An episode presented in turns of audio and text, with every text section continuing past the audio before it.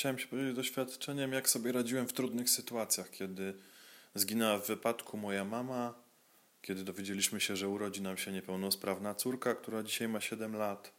Prowadziłem biznes w Polsce, przenieśliśmy się na Korsykę, gdzie w ciągu roku mieliśmy 5 przeprowadzek. Jesteśmy 10 lat w małżeństwie, czekamy na trzecie dziecko.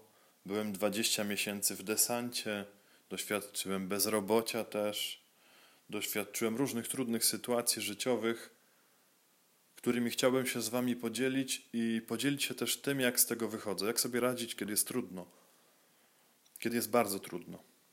Do usłyszenia, trzymajcie się.